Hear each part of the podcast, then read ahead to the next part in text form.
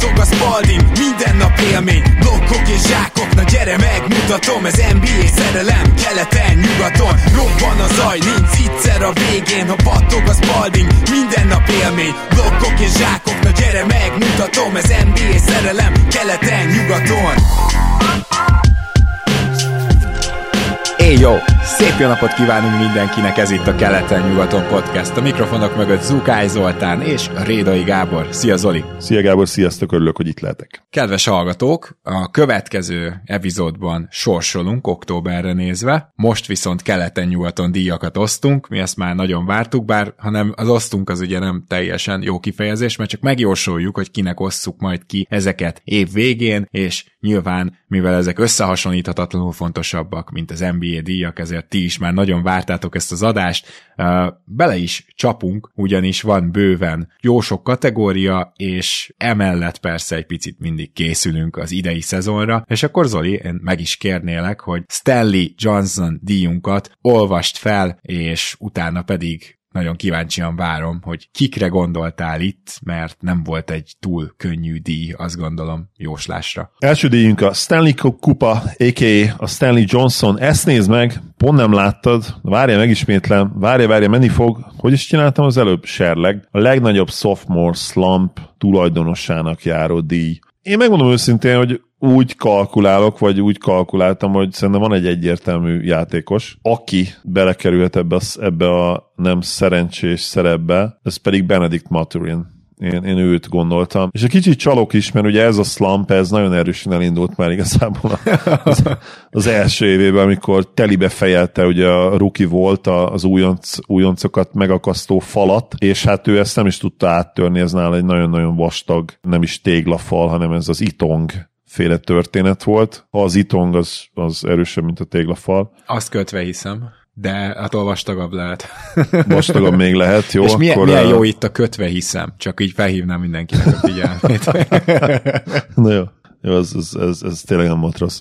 Szóval szerintem Maturinnak jó esélye van erre, mert amennyire erős dobóformával kezdte a szezont utána legalább annyira megmutatta, hogy, hogy kosárikú és védekezés terén, hát finoman szóval is lenne, lenne mit fejlődni. És a másik ilyen jelöltem Mark Williams, aki, aki lehet, hogy érdekes piknek tűnhet, de ugye főleg, hogy nem is volt stabilan kezdő az első évben természetesen, de hogy az ilyen típusú játékosok, akik, akik ugye ilyen lob threat, ahogy mondják, a, a feldobott labdát gyűrűk közelébe elhelyezett szinte akár a labdát ugye le tudja húzni és be, bezsákolja, de hogy nem feltétlenül látom benne én azt a, azt a fejlődési potenciált, amit egyébként páran belelátnak, még úgy is, hogy természetesen senki nem tartja őt szuper tehetséges magasnak, de, de szerintem nála benne lehet a pakliba az, hogy, hogy nem fogja tudni ezt teljesíteni. Érdekes, én egy nagyon picit más irányba mentem, mármint ugye Matherin, ha minden igaz, meg ez az egész Buddy Hield most arra tart, hogy Hildet megpróbál próbálják elcserélni, és még ha nem is sikerül, akkor is könnyen lehet, hogy Matherin a kezdőbe találja magát, és azért abba a kezdőbe, ahol Tyrese Halliburton osztogatja neked a passzokat, ott valószínűleg kénytelen lesz egy picit más játékstílust meghonosítani, vagy, vagy tényleg máshogy játszani, mint ami Mazerinnek egyben volt tavaly a felemelkedésének és a téglafal lefejelésének az oka is,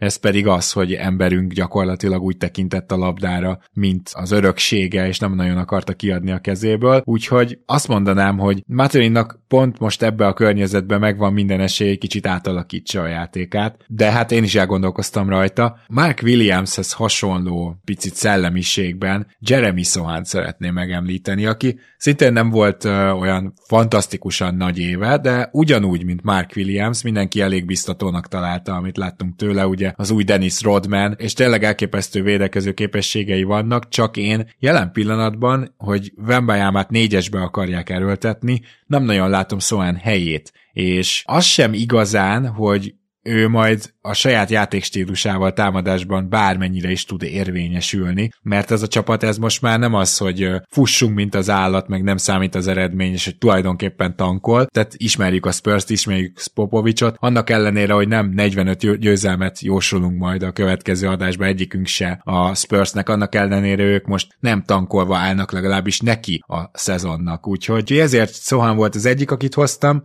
és hát Még ugye Ivy az, akit felírtam. Na most Ivy-val kapcsolatban tudni kell, hogy ő neki az utolsó két hónapja baromi jól sikerült a Pistonsnál, és mindenki arra vár, hogy ez folytatódjon. Az csak a probléma, hogy a Pistonsnál is teljesen hasonló a felállás, tehát Monty Williamsék szeretnének jól rajtolni. Én szerintem ez nem jön majd össze, és akkor eljöhet Ivy ideje, csak jelenleg abban se vagyok, arról se vagyok meggyőződve, hogy Ivy kezd, és ha csak nem cserélik el mondjuk Alec Burks-t, akkor lehet, hogy Ivy-nak egyszerűen nem lesz elég nagy szerepe, hogy előrébb lépjen, még akkor sem a jobb játékos, úgyhogy én meg őkettőjüket írtam föl, hát nagyon kíváncsi leszek, hogy, hogy, hogy melyikünknek lesz igaza, illetve hát nyilván ilyenkor mindig reménykedik az ember, hogy nem kell kiosztani a Stanley kupát, hogy nem lesz olyan másodéves, aki nagyot esik vissza, vagy legalábbis abszolút egy helyben toporog, de azért tegyük hozzá, hogy eddig mindig ki kellett osztanunk. Következő díjunk az a Trust the process,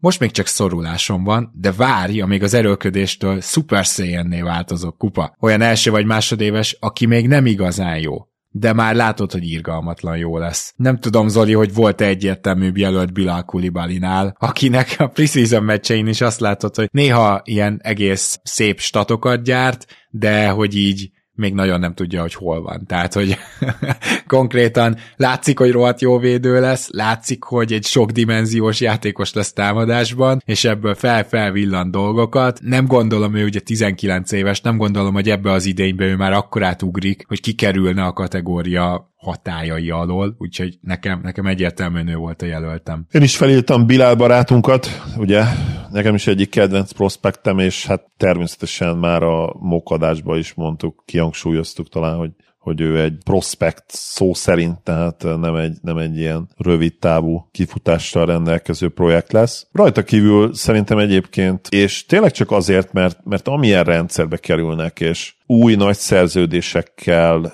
bíró játékosok nagy szerepbe érkeztek a Rakicnél. Szerintem a Rakic két játékos is, és két szuper tehetséges újonc, ugye Eamon Thompson és Ken Whitmore, akiknél meglepődnék, ha, ha úgy igazán be tudnának illeszkedni ebbe az idei Rakicbe, amelyik nagyon komoly eredménykényszer alatt lesz. Ráadásul ugye ne felejtsük el, hogy, hogy Jalen Green és, és, és Sengun is olyan játékosok, akiknek meg szintén emelni kellene a usage rét, rétet, és ők maguk is a belső nyomást nagyon nagyon-nagyon fogják érezni, főleg Jalen Green, hogy, hogy nekem most már tényleg valamit mutatnom kell, Szengen ugye eddig azért jó teljesítmény nyújtott, és ezt az egész masszát így összegyúrod, én nem látom azt, hogy, hogy ez a rendszer most nagyon jól tudná majd támogatni ezt az egyébként tényleg két szuper tehetséges újoncot, és ezért arra számítok, hogy Eamon Thompsonnál is és Ken Whitmore-nál is felvillanások lesznek, főleg nyilván az előbbi, akire, akire nagyon-nagyon fogunk figyelni, mert ő azért várhatóan több játékpercet fog kapni, hiszen ugye az egyes és a kettes posztot is akár ő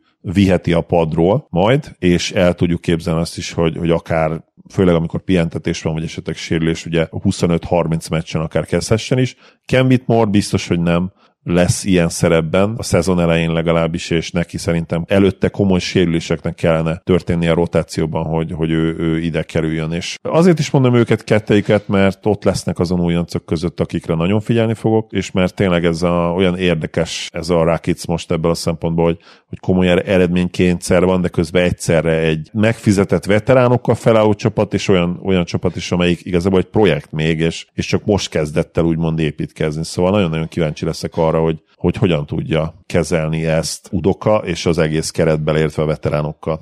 Whitmore nagyon adom egyébként, és rá mondjuk gondoltam is. Hát én azt hiszem, hogy Evan Thompson utat tör magának, tehát főleg most itt a Kevin Porter Jr. elcserélés fényében, bár ugye vannak hírek, hogy Alec Burks, meg pár játékost azért kinézett magának a Rakit, szóval lehet, hogy szeretnének ők azért ott egy ilyen egyes-kettes kombót igazolni Eman mellé a padra, majd meglátjuk minden esetre. Attól nem tartok, hogy ő, ő nem lesz elég jó, és, és bekerül ennek a díjnak a hatáskörébe, viszont Whitmore-nál maximálisan igazad van. És akkor jöjjön a harmadik díjunk. Harmadik díjunk a Marvin Williams spagettit fogok enni, anélkül, hogy lezabálnám a ruhám díj, ami ugye tudjuk, hogy egy nehéz feladat, legalábbis nálam mindenképpen. Olyan tehetségeket keresünk itt, akiktől hát mindig várjuk a kiugrást, de, de úgy igazán sosem történik meg. És én abszolút maradnék a Rocketsnél és az említett Szengőn. És már csak azért is rágondoltam, mert már most is van köztünk azt hiszem itt azon ritka esetek egyike, amikor van köztünk egy ilyen kontraszt, egy véleménykülönbség. Én Szengőn max potenciájából ugye kevesebbet látok, mint te, és a jelenlegi teljesítményét sem feltétlenül értékeltem olyan magasra, illetve az elmúlt szezonban mutatott teljesítményét, mint te. Úgyhogy én, én Szengőnt mondanám, engem nem lepne meg az, sőt valahol azt várom, hogy az ő fejlődése az egy picit belassul majd, én azt gondolom. Főleg védekezésben,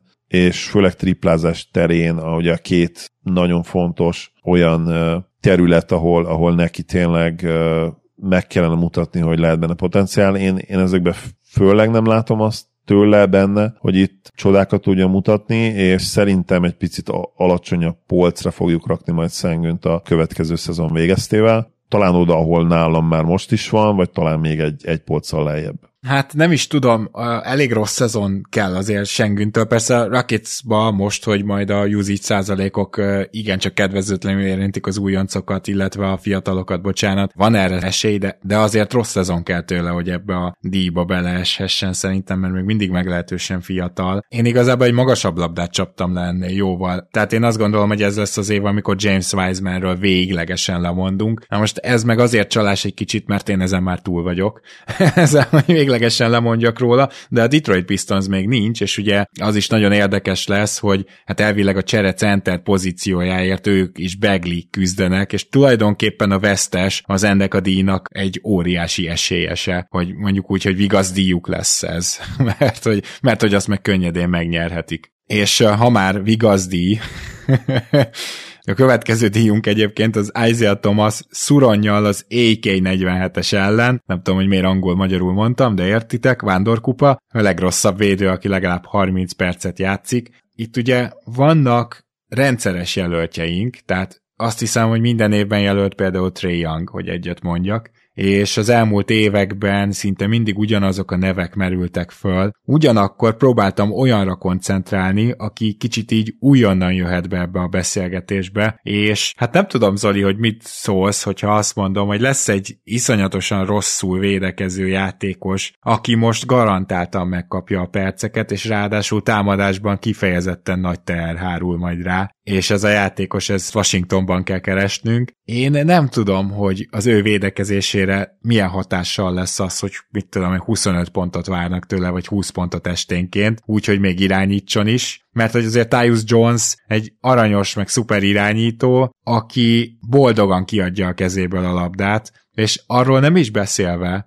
ugye nyilván Jordan Poole-ról van szó, mindenki kitalálta, hogy Tyus Jones és Jordan Poole együtt az védekezésben olyan katasztrofális lesz, hogy az egész csapat védekezést is szépen le tudják majd ketten rontani. Tulajdonképpen, amikor az egész csapat rosszul védekezik, és tényleg csak egyetlen egy igazán jó védőd van, vagyis kettő, ugye Avdia és Gafford, akkor ott egyrészt nagyon nagy mágusnak kell lenni, hogy ne legyél bottom 5-ban, ami a következő adásunkban azért elég gyanúsan előjön majd mindkettőnknél, a Washington Wizards neve, másrészt pedig az advanstatok most már nagyon-nagyon előre haladottak, de még mindig nem tudják teljesen kivenni a képből azt, hogyha tragikus az egész csapat. Szóval azt akarom mondani, hogy mondjuk a tavalyi történelmi mélységekben szárnyaló idézőjelben Spurs hát az, az a védekezés, az valószínűleg minden egyes játékos védekezési mutatójára is kihatott. Úgyhogy Jordan Poole a legnagyobb jelöltem, de van még egy ilyen esetleges valaki, akit így beszúrnék, szóval én úgy nézem,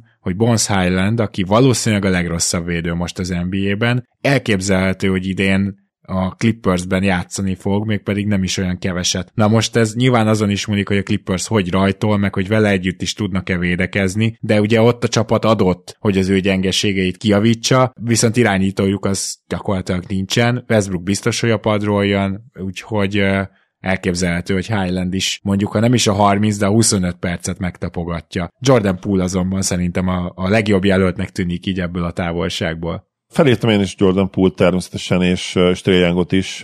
Én felírtam még Maturint, aki szerintem 30 perc közelében lesz, hogy akár meg is haladja majd. És felírtam Westit is, mert bár nyilvánvalóan a padról jön, de ettől függetlenül ott lehet a 30 perc közelében, ugye tavaly 29 percet játszott, és a liga egyik legrosszabb védője volt statisztikailag. Illetve két ilyen honorable mention, nálam is az egyik ugye Bones, a másik pedig ugye Cam Thomas, de ők, ők szerintem ilyen 22 és 25 perc között fognak játszani, szóval ők nem fogják majd elvinni ezt a díjat. Poolnak viszont, vagy Westbrooknak, hogyha át tudja törni 30 percet, szerintem elég-elég jó esélye van erre. Meggyőződésem, hogy itt a modern NBA-ben ezt nyugodtan módosíthatjuk, amúgy ezt a díjunkat 25 percre, hiszen folyamatosan mennek le a percek a sztároknál Igen, is. igen, ezt ugye 4-5 éve kezdtük el, úgyhogy én is azt gondolom, hogy abszolút most már ez, ez igazából 25 perccel lenne a korrekt, úgyhogy uh, meg is csináltuk akkor ezt a módosítást. Most így, egy jegyzetet erről így szépen a műsorban is tehetünk, és ebben az esetben viszont akár lehet esélye Cam Thomasnak vagy Bonesnak, bár még Cam Thomas szerintem azért 25 perc alatt is lesz egyértelműen, meg hát szerintem Bones is egyébként, tehát a válaszolva a kérdésedre, hogy tudnak-e majd védekezni vele, ez a 23-24-es klippel szerintem már nem fog tudni, amelyik öreg és, és a saját legjobb védőik is már megkérdőjelezhetőek. Ebből a szempontból kizárt dolog, hogy alá tudjanak dolgozni egy Bonsznak, meg, meg az is kizárt szerintem, hogy alá akarjanak dolgozni annyira, hogy tehát azért Bones egy tehetséges támadójátékos, de ott is még nagyon-nagyon sokat kellene virítania neki ahhoz, hogy egyáltalán elgondolkodjon Lou ezen a dolgon, hogy, hogy akkor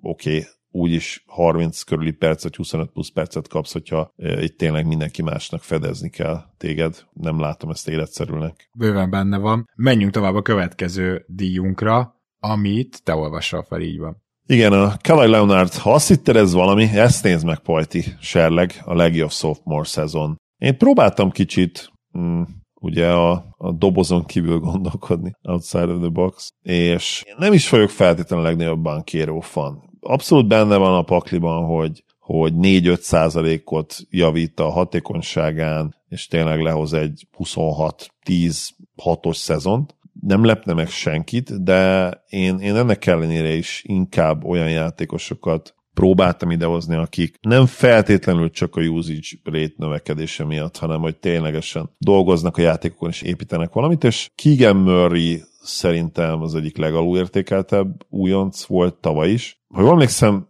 de javicska tévedek végül, nem került be az év ötösébe, hogy bekerült? Nálunk nem került be szerintem, de lehet, lehet, hogy in real life sem, most ezt nem is akarom csekkolni. A lényeg az, hogy teljesen egyetértek, tehát, egyszerűen alulértékelt volt minden szinten. Igen, és ő szerintem akár már idén, nyilván nagyon sok labda kell ugye a Kingsbe, mert tényleg támadásban hihetetlenül tehetséges keretük van, és sok oldalú keret, de benne szerintem simán ott van egy 20 pontos, 60%-os TSS játékos, tehát egy nagyon-nagyon jó és hatékony scorer. A másik pedig Jaden Ivey, akit ugye említettél más kontextusban ma már, kicsit negatívabban, vagy hogy félted egy picit. Én is féltem, mert nyilván vannak kérdőjelek a játékában, de, de a hihetetlen upside is látom, és engem nem lepne meg, hogyha ővé lenne akár ez a, ez a legjobb sophomore szezon. Ez nyilván az kellene, hogy, hogy ő azért 20 pont fölé menjen, és játékszervezésben is, és védekezésben is egy nagyon jó teljesítmény nyújtson, amire szerintem van esélye.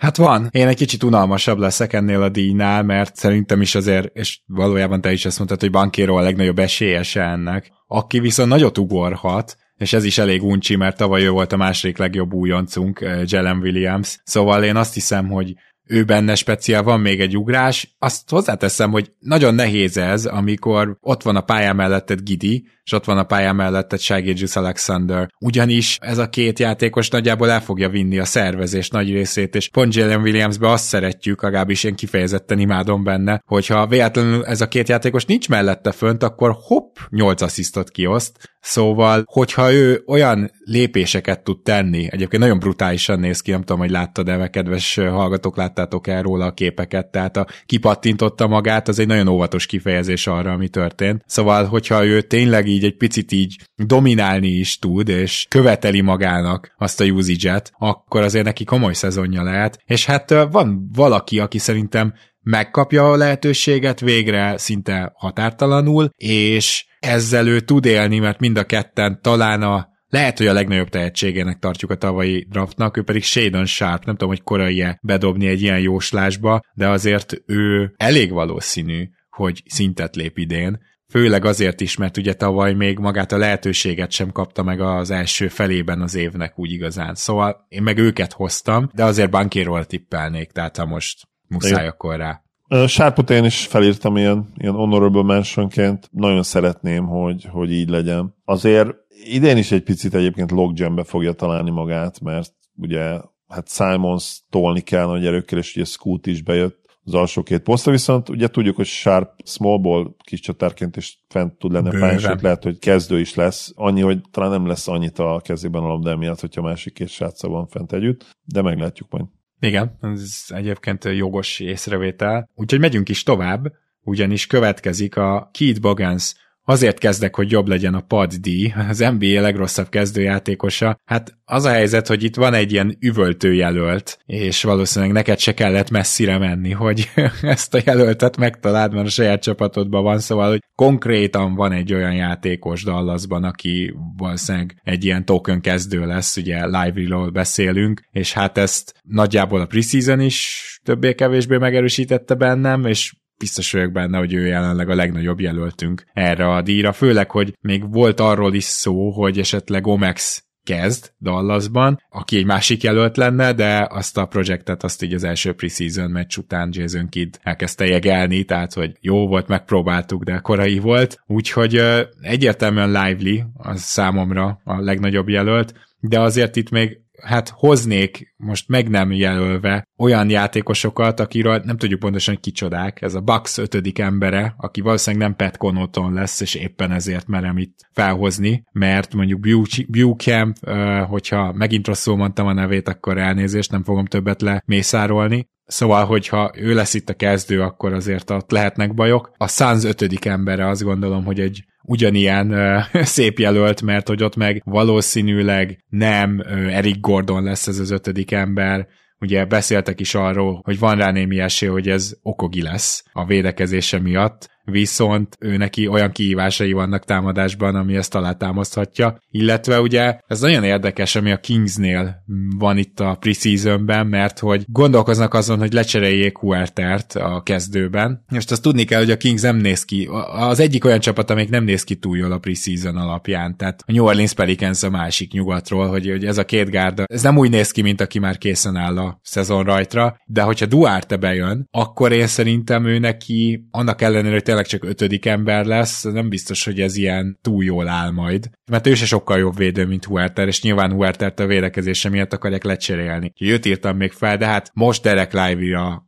nem azt mondom, hogy autót házat, de elég sok mindent feltennék, hogy jövő lesz ez a díj. Én is Lively-val kezdtem a listát, természetesen újoncok azért ebben a kategóriában eléggé hát az esélyesek között szoktak lenni. Saxt is azért felírtam, mert bár még nem mondtam le róla, de ugye tudjuk, hogy, hogy eddig eddig NBA pályafutása finoman szóval sem sikerült jól, és hát a kezdőbe várják. Na, és ő viszont egyébként most csak, hogy fog. igen, de ő, ő viszont nem néz ki rosszul, mint hogy az egész Magic elég jól néz ki a preseasonben. Igen, én a preseasonnak egyébként nagy jelentőséget nem tulajdonítok, ugye azt viszont észrevettem, hogy a Dallasomat nem említetted meg az eddigi pocsékol kinéző csapatok között, pedig simán lehet, hogy mi nézzünk ki a legrosszabbul. Jogos, igen. Eddig az előszezonban, de, de mondom, én nem, tényleg ezzel nem, igazán nem is foglalkozok az előszezonon ilyen szinten, azt nézem, hogy egy Julian Strader, hogy dobja a triplát a Denverben, hogyan játszik Tyson, kinek lehet esélye rotációs szerepre. A kezdők formája abszolút nem érdekel, nem is játszanak sokszor, meg amikor játszanak, akkor is ugye kevesebbet. Egy szó, mint száz Okogit én nem írtam fel, én értem persze, hogy támadásban erősen korlátozott játékosról beszélünk, de azért ő már szerintem kiépített egy olyan reputációt, a védekezésben és hustle játékokban, ami elég ahhoz, hogy én őt ne citáljam ide. Ráadásul egyébként azt is hozzá kell tenni, hogy ő azért nem teljesen fakezű, hogyha az előző Suns szezonból indulunk, ami ugye az első Suns szezonja volt neki konkrétan. Ha csak azt megismétli, hogy ezzel a 2,7 kísérlettel 33,5% kon tud triplázni, akkor már úgymond jók leszünk. Nyilván ezt hozzá kell tenni, hogy, hogy a play természetesen ez, ez, ez nem, nem, nem ennyi volt, hanem 14 százalék. Igen, Tehát, és ott, ott pedig távcsővel nézték az ellenfelek. Tehát... Igen, a, igen, a Nuggets az erősen, erősen besegített róla. Ettől függetlenül is azt gondolom, hogy Sachs, vagy, vagy egyértelműen igen, Lively azért jobb, jobb jelölt lesz erre a díjra. A Netsen gondolkodtam még, de, de a Netsnek azért van egy elég jó és egyértelmű kezdője, hogyha, hogyha nem akarják Cam Johnson-t ugye csereként használni, de még ha csereként is használják, akkor is ugye Dodo, Dorian Finney-Smith is mehetne a kezdőbe. Arra gyakorlatilag nincs esély, hogy Cam Thomas legyen ott, úgyhogy ha lenne, akkor én, én lehet, hogy őt mondanám, de Cam Thomas nem elég jó ahhoz, hogy elég rossz lehessen itt ennél a díjnál. Ó, micsoda megfogalmazás, kell, olvast fel akkor a következő díjunkat. Jutalmul megkaptam. A Will Barton, ha megbecsültelek volna, talán még együtt lennénk baseball sapka. Az a játékos, aki csapatot vált, és rájön az egész világ, hogy amúgy jó. Ugye ez az a kategóriánk, ami hát vagy teljes találgatás, mert ugye még nem csapatot váltó játékosról beszélünk, vagy ilyenkor ugye meg kell nézni az az előtti évben csapatot váltó játékosokat, de olyan játékosokat kell vadásznunk, akik nem nyújtottak annyira extra jó teljesítményt, hogy nagyon kíváncsi vagyok, Gábor, hogy te kiket találtál nekem. Megmondom hogy elég nehéz volt két-három nevet leírni, de végül sikerült. Valószínűleg most sem kellett annyira messzire menned az egyik díjért, hiszen most nyáron csapatot váltó játékosokból tudunk ugye válogatni, és hogy is fogalmazzak, csak szerintem ez a díj Grant Williamsnek egy, már fel van gravírozva az első két betű a serlegre. Várjál, meg nagyon, kell, nagyon, nagyon, nagyon bízom benne, igen. Meg kell, hogy nézzem, hogy ez egy serlege. Nem, ez egy díj, úgyhogy azt abba bármit bele tudunk képzelni. Baseball sapka, bocsánat. Tehát, hogyha baseball sapka, akkor viszont már ugye a varrók elkezdtek dolgozni. Hát Grant Williamsnél azért én szerintem azért is hangsúlyozandó, hogy mennyire jó idény következhet, mert hogy neki ténylegesen a tökéletes szituáció az, hogy Luka osztogat neki, és üres vagy félüres triplákat kell rádobnia. Tehát én azt hiszem, hogy Bostonban nem volt olyan playmaking, és éppen ezért neki olyan skilleket is kellett élesíteni, ami jó dolog, de, de hogy ezek a skillek nem annyira állnak még rendelkezésre, tehát nem azt állítom, hogy egy closeoutot ne tudna megverni, de azért ez már nem az erőssége meg, hogy utána eldöntse, hogy akkor a besegítés után passzoljon, vagy megpróbáljon rádobni, és hát ugye ebből egy picit elege is lett a Celticsnek, úgyhogy hol játszott, hol nem, viszont erre a szerepre meg nagyon nagyszerű lesz, de azért írtam még fel pár más nevet, és hagyj említsem meg. Az egyik az Bates Diap, aki ugye hozzáteszem, hogy tavaly a Spursben is egy picit felkaptuk a fejünket, hogy hoppá, hoppá, mert mindig tudtuk róla, hogy jó védő, de azt nem tudtuk róla, hogy azért az üres triplákat be tudja vágni, és úgy tűnt, hogy jé, de be tudja. Na most itt viszont a Sunsnál akár olyasmi is történhet, hogy végül bekerül a kezdőbe, tehát én ezt nem tartom kizártnak. Felírtam még Shake Milton-t akinek a Minnesota padján végre meg lesz az a lehetősége, ami Philadelphiában soha büdös életben nem volt, ezt pedig úgy hívják, hogy ő a hatodik ember. Hát ha nem is fontosságban, nem is ő lesz feltétlenül az első csere, mert az mondjuk Naz Reed lesz, de azért értjük, hogy mire gondolok, a szerep, a szerep és Shake Miltonnak most van esélye robbantani, meg megmutatni azt, hogy több, mint egy tripla dobó, aki nem tud védekezni, mert ha nem több, akkor valószínűleg az NBA karrierje az így elindul a lejtőn, már amúgy sincs túl magasan a hegyen, szóval, hogy nem az van, hogy a tejdéről kell legurulni. Most nemrég sikerült megmásznom ezt a hegyet, úgyhogy most eh, ez, ez lesz a, a hegy, amit mindig emlegetek. És akkor emellett KJ Martin az, aki szerintem egy nem rossz jelölt, ugye most a Clippersbe, és szerintem te is és én is várjuk azt, hogy a Rocketsnak a tavalyi szintről beszélek, de fertőjéből kimászva ő mit tud csinálni, mert egy nagyon jó védő, extra lepattanózó Big Wingről beszélünk, és még két nevet is felírtam. Nem tudom, bele akarsz szólni, Zoli, mert nyugodtan tedd meg, de akár végig is sorolhatom őket. Végig sorolhatod. Jó, mert akkor szeretném gyorsan megemlíteni Jalen McDaniels, csak azért, mert nagyon jól néz ki a Raptors preseasonben, kicsit ilyen glugájként, de mondjuk, hogyha Otto Porter rendelkezésre, akkor lehet, hogy nem is fog játszani. És még egy jó nevem van, az pedig Ty Jerome, aki én szerintem mindig, amikor lehetőséget kap, akkor statokat azt hoz. Viszont most, speciál Clevelandben nem nagyon van se egyes, se kettes poszton cserejátékos. Tehát nyilván Lövörtel együtt fogja ezt a dolgot megoldani, de hogy Ty Jerome most nagyon komoly lehetőséget kap Ricky Rubio mentális összeesését követően, és a de facto csereirányító lesz, és arra se vegyünk mérget, hogy mondjuk Garland és Mitchell, bár mind a ketten eléggé vasemberek, de hogy feltétlenül mindenféle pihentetés nélkül. Garlandról nem is mondanám, hogy vasember, szóval hogy végigjátszák ezt a szezont, úgyhogy szerintem Ty Jerome itt rohadt komoly lehetőséget kap, és az eddigiekből kiindulva lehet, hogy így kapodni fogjuk a fejünket, hogy ez egy nagyon jó kis csere irányító. Na, végigértem, szóval vannak bőven jelöltek, de azért én Grant Williamsre fogadnék, hogyha most itt muszáj lenne valakit mondanom. Az élistám is természetesen végül vele kezdődött, és ebben nyilván benne van az is, hogy reménykedik az ember. Meg az is egyébként, hogy, hogy tényleg a, az ő skillsetje az, ami abszolút hiányzik volt a Mavericksnél, ugye ez a nem is feltétlenül a leszedlek a pályáról védekezés, mert Grant Williams nem ilyen védő, hanem inkább ez a sokoldalúság, hogy több poszton tudod ö, ö, használni őt, illetve hogy free and ténylegesen kimondottan free and játékos legyen, mert ugye ez is hiányzik volt a Mavericksnél. Bruce Brownon gondolkodtam, de nyilván itt azért nem lenne jó példa erre, mert őt hát tökre értékelte a Nuggets, és pontosan tudták, hogy mit nyújtott, mit adott nekik, és nem,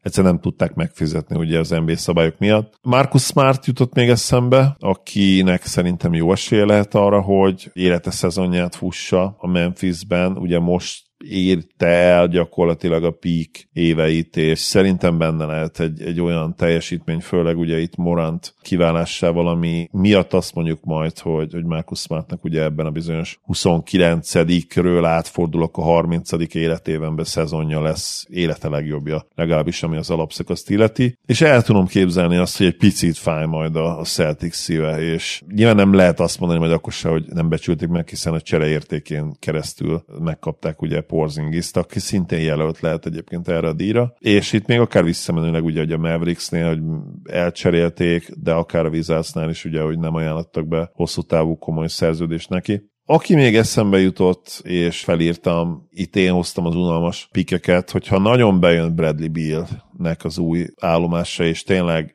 amit én nem tudok elképzelni, hogy ő, hogy ő játékszervezésben és védekezésben maximálisan oda teszi magát, és megelégszik azzal az egyértelműen harmadik számú opció szereppel támadásban, ami neki itt gyakorlatilag jut és kész, tehát itt ezen vitatkozni se érdemes, hogy nyilvánvalóan Booker és Kédi lesz az első két opció, és, és az ő usage százalékuk erősen meg kell, hogy haladja majd Billét, de ha Bill magához öleli ezt a harmadik számú szerepet, amit mondom, én most abszolút nem látok, akkor simán visszagondoltunk majd arra, hogy hoppá, nem hittük volna, hogy ez a Bradley Bill egy bajnokcsapat harmadik legjobb játékos seve tudott válni, mert az ugye pont tényleg azokat a dolgokat kell megcsinálni, amiket ő az elmúlt években már, ha nem is abszolút, de legalábbis sokkal alacsonyabb frekvenciával csinált. Igen, hát Bill ilyen szempontból nem rossz jelölt, mert neki az elmúlt két éve arról szólt, hogy ez már nem az a játékos, tehát azt úgy el tudom könyvelni, de Porcingisnek szerintem tavaly volt élete szezonja, tehát hogy én nem tudom, mi kéne, hogy történjen, hogy a Washington így vakarja a fejét, hogy így ú, de kár, hogy elvesztettük, jaj, de kár volt elcserélni, mert hát végül is ez a díj Bajnoki címre vezeti a celtics igen, igen, igen, igen, igen. Tehát, és ő vezeti. Szóval én őt nem látom. Bíről viszont már, már kezdtünk lemondani, tehát hogy az, az nem egy rossz jelölés, de azt hiszem, hogy inkább azért ez a Grant Williams, Ty Jerome, hát dimenzió az, ahol, ahol könnyebb kiérdemelni ezt a díjat. Viszont akkor menjünk tovább a következőre, ami nem más, mint a Chandler Parsons. Annyira használhatatlan vagyok, hogy Zolit és Gábort még egy poén erejéig erejéig sem tudtam megihletni. Hűtőmágnes, de az a fajta, amelyik már kezdi végleg megadni magát, és állandóan leesik, majd amikor lehajol szérte, még a derekad is kimegy. Az NBA legrosszabb szerződése. Egyikünknek sem kellett gondolkozni, hogy azt az egy nevet ide írjuk. Csak az a kérdés, hogy mi van, hogyha ez az egy név, tehát mit kell hoznia ennek a játékosnak ahhoz, hogy kikerüljön innen? Mert én szerintem, hogyha nem tudom én, hoz valami szervezést, meg lepattanózást, azzal még nem vagyunk kijebb, tehát ez egy jó nagy szerződés. És... Hát fia, ahhoz képest, hogy mit csinált az elmúlt két évben szerintem, de kijebb vagyunk. Még akkor is lehet ő a liga legrosszabb szerződés. Igen, de... erre, erre célzok, ugye? Igen hogyha valakinek nem esne le Ben Simmonsról van szó, ugye? Őszintén egyre kevesebb a rossz szerződés ebben a pillanatban, és ez főként azért van, mert ezek lejártak, és hát viszonyognak tőle a csapatok, hogy nagy pénzt dobjanak most, és főleg hosszú távú szerződést olyan játékoshoz, aki problémás. Majd nagyon kíváncsi leszek például ilyen szempontból Hardennek a következő szerződésére, mert ő még mindig azért elég jó szinten játszik, ha már nem is a régi MVP szín, de azért tavaly is azt megnyerte az assist listát. Tehát, hogy azért itt egy komoly játékosról beszélünk, viszont ugye vele más problémák vannak, és ki meri majd megkínálni például három évnél hosszabb szerződéssel, lehet, hogy senki. Szóval mindezt látva, ő majd lehet, hogy egy másik díjunknál is szóba kerül, de mindezt látva azt mondhatjuk szerintem, hogy ahhoz, hogy valaki nagyon-nagyon rossz szerződés legyen, ahhoz most tényleg az kell, hogy még pörögjön az a nagy szerződés, és közben meg vagy nem játszik, vagy aktívan állt a csapatának, vagy tényleg rossz, és leginkább Simonsra mondható ezzel. Nyilván hogyha jön egy újabb sérülés Claynél, a jó Isten adja, hogy ez ne történjen meg, vagy még van egy-két ilyen jelöltünk, hogy ha jön egy újabb sérülés, akkor az, az lehet, de Simons szerintem sokkal elegánsabban teljesíti ezt a kategóriát, hogy itt nem csak sérülésről van szó, hanem mentális problémáról is. Bármit ehhez még hozzáfűzni esetleg, Zoli? Simonshoz nem, nyilván én is vele kezdtem ezt a listát, szó szerint. Viszont nálam nincs olyan nagyon extra sokkal lemarad, ugye Gordon Hayward, akinek a 23-24-en túl ugye van még egy éve, 31 milláért. Na és igen. gyakorlatilag ugyanabban a státuszban van, mint amiben Simons volt az elmúlt másfél-két évben. Ilyen honorable mention nálam Zach Levine, akit ugye szoktunk azért ebben a kategóriában emlegetni, és megint lehozott egy egészen jó támadó szezon, de szerintem benne ott van a katasztrófa potenciál is. És akiben szerintem még inkább ott van a katasztrófa potenciál, az Jeremy Grant, akinek ugye most kezdődik az öt éves szerződése. Szerintem ott meglátjuk ugye egy Dame Lillard nélkül a pályán mit tud csinálni. Nem lepne meg, hogyha őt is elkezdenénk már akár a következő szezontól ott emlegetni a liga legrosszabb szerződései között, vagy mint potenciális legrosszabb szerződései között. Engem egy icipicit meglepne, de meglátjuk. Talán 28 évesen, vagy 29 évesen még nem kéne elindulni azon a lejtőn. Az ugyanakkor igaz, hogy ö, nyilván nem lesz mellette gyakorlatilag a liga legjobb pick and roll irányítója, még ha nem is ő a pick and roll partner, ugye? Jó, menjünk akkor tovább, és ha megengeded ezt most ismét én olvasnám föl, a Jokic Durant GM-ként ég a bőr az arcunkon, hogy csak ennyit fizetünk ajándékosár. Az NBA legjobb szerződése, ami nekem nagyon tetszik, hogy itt annyi jelölt volt, hogy alig bírtam válogatni. Most sokkal jó szerződés, de ezzel az Austin Reeves hosszabbítással, mielőtt a többi nevet végig sorolnám, el kell, hogy mondjam, hogy egyszerűen szerintem nehéz lesz Austin Reeves megverni ebben, úgyhogy... Én olyan szinte, hogy én csak az ő nevét írtam le, mert nálam annyira torony magasan is egyértelműen megnyerte ezt a díjat. Azért én felsorolom, mert egy pár nevet még felírtam. Nyilván tehát itt lehet válogatni azért az alacsonyabb kategóriákból is, például ugye Nickel Alexander Walker, ahhoz képest, hogy még az sincs kizárva, hogy időnként kezd, de hogy ő az biztos, hogy elég sokat játszik majd Minnesota-ban, ahhoz képest ez a, az évi 3 millió vagy mennyi, amit keres, hát ez